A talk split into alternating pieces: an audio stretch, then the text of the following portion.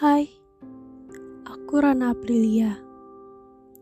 Untuk kamu yang sedang mendengarkan podcast renung hari ini, dan saat ini aku akan menemani kalian.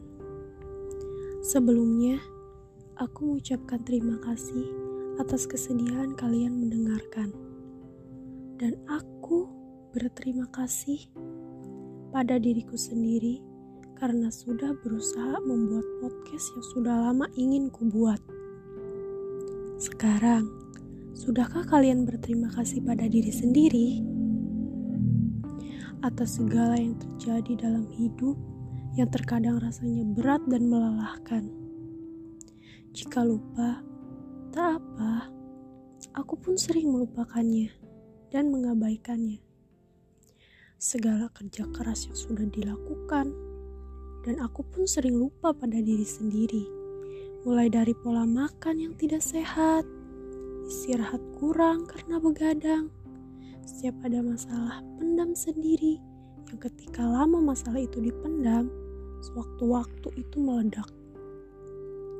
Atau segala impian dan cita-cita yang ingin digapai, namun selalu ditunda-tunda dan ketika orang lain sukses menggapai cita-citanya, lantas diri ini membandingkan. Seringkali begitu bukan? Mungkin kita punya persamaan dalam hal itu. Tak apa, kita tidak sendiri. Semua orang pernah mengalami hari-hari yang berat versi mereka. Tugas kita saat ini hanya memaafkan diri sendiri atas segala kelalaian yang pernah kita lakukan di masa lampau, yang sudah terjadi cukup lama atau yang baru terjadi. Maafkanlah diri itu, mau bagaimanapun, ia yang menemanimu 24 jam. Kau selalu bersamanya. Jika kamu tidak memaafkan atas segala kesalahannya, lantas apa yang akan terjadi selain kebencian? Aku pernah berada di masa aku membenci diriku sendiri. Dan itu masa terburukku.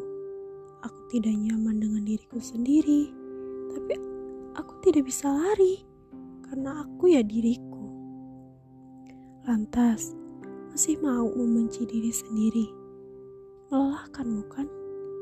Sudah ya, cukupi hari ini istirahat hati dan pikiranmu dari segala hal negatif yang sebenarnya hanya overthinking yang tak berujung.